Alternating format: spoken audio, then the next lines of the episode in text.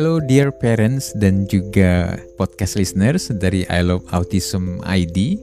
Episode kali ini saya ingin menyampaikan sebuah kalimat singkat yang harapannya bisa menyemangati setiap orang tua dengan anak-anak autis.